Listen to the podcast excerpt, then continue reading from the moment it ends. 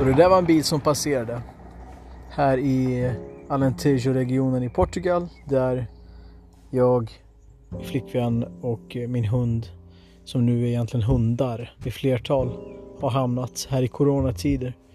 Så vi har varit ute på vägarna här i två månader och eh, vänat runt. Nu har vi hamnat på ett ställe där polisen faktiskt låter oss stanna kvar. I den här tiden av Corona då man egentligen inte får göra någonting. I Sverige får man fortfarande göra alltihopa det där. Så litar vi på att individerna själva ska på något sätt eh, lösa det. Vi tror så jävla högt om individer i Sverige. Och eh, sätter inte till några regler för vi ska inte kränka det som vi är vana med, vår frihet. Som ja, efter 200 år utav fake-fred kan vi väl kalla det för. Vi har ju varit aktiva i så många konflikter så har vi ju nog glömt bort hur det är med svårigheter och därför så ska ju uteserveringarna fortsätta att rulla på. Kroglivet och klubbarna. Och, titta hur mycket problem vi har haft med folk som bara ska åka på de här jävla skidsemestrarna liksom. För att jag är ju frisk. Jag känner mig frisk. Och då har vi helt enkelt lämnat eh, tanken om Eh, det kollektiva uppoffrandet. För det är vi inte vana med. Det har varit jävligt dåligt med kollektiva uppoffranden i Sverige. Och det är därför vi, tror jag också, är en av världens mest, eh, tillsammans med Norge, klimatupplysta folk som också skiter i det. 11 plus eller vad det är koldioxidtonutsläpp per år när vi ska ner till en och en halv. Men eh, så vi vet ju exakt hur vi gör rätt, men vi gör fel vi har kunskapen. Det, det, är, det är ingen kunskapsfråga det här. Det handlar bara om vad man vill göra med information och hur förändringsglad man är. Och bara den här coronakrisen har ju visat att svensken är fan inte redo på, eh, på något sätt samhällsförändring till, till det sämre. Eller vi kan ju diskutera e-, enligt vems standard vad som är bra och dåligt. Men utifrån liksom, den materiella utgångspunkter vi har i det överklass, eh, över, övre medelklassamhället vi har i Sverige.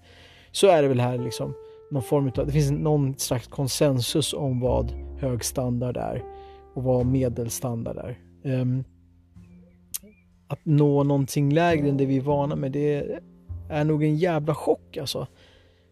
Om det är så här vi reagerar på en pandemi, alltså kan jag bara fritt fantisera om hur det skulle kunna se ut om elen gick, om internet släcktes eller om vattnet slutade rinna. Var tar vi vägen då någonstans?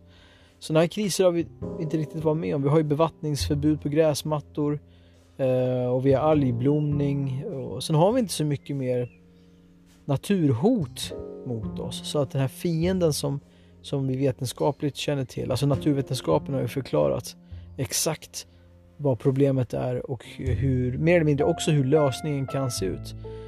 Så upplever vi inte det som ett hot för att vi ser inte det och det finns inte hos oss. Det är inte vår stad som drabbas av översvämning. Ehm, det är inte heller våra, eh, våra åkrar som står hotade. Det, det kommer inte leda till massflykt av bönder från land till stad. men allt det här som man kunnat förutspå genom IPCC-rapporterna. Så att jag tror att svenskarna är väldigt svårt att förstå vad det egentligen handlar om.